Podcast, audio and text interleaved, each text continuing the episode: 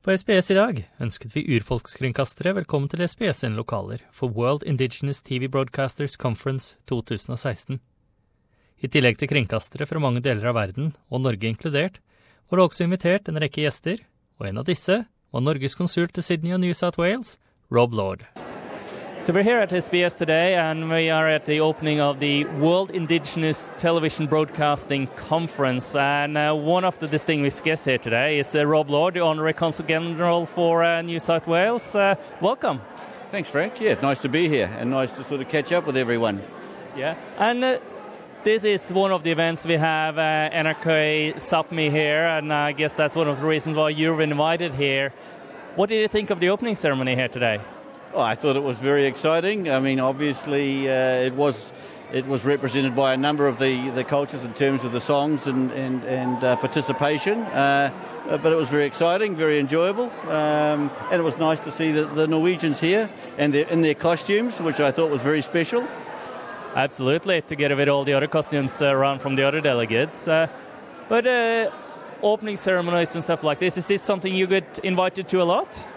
I do get invited to a number of things. Uh, this one I think was special, and I was certainly very keen to, get to this one. Um, but I am invited to other things, of course, as well, and uh, I guess perhaps I'm somewhat selective in, in, that sense because you'd be very, very busy if you attended everything. But uh, no, this is very worthwhile, and I'm pleased to be here.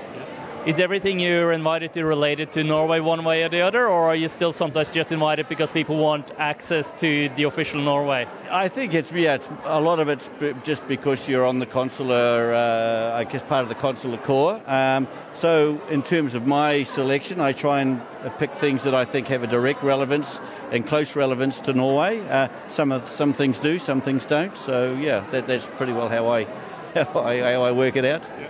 And uh, so you're here at the opening, you get to have a brief chat with the Norwegian guests and stuff here. Uh, do you ever sort of get to follow up sort of what's happening at conferences or the big meetings that are happening, or is it just normally just showing your face at the opening?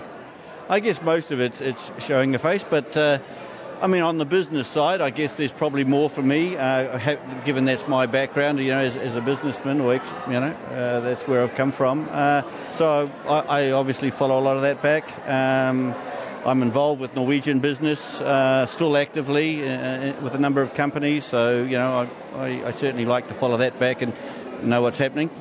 Yep.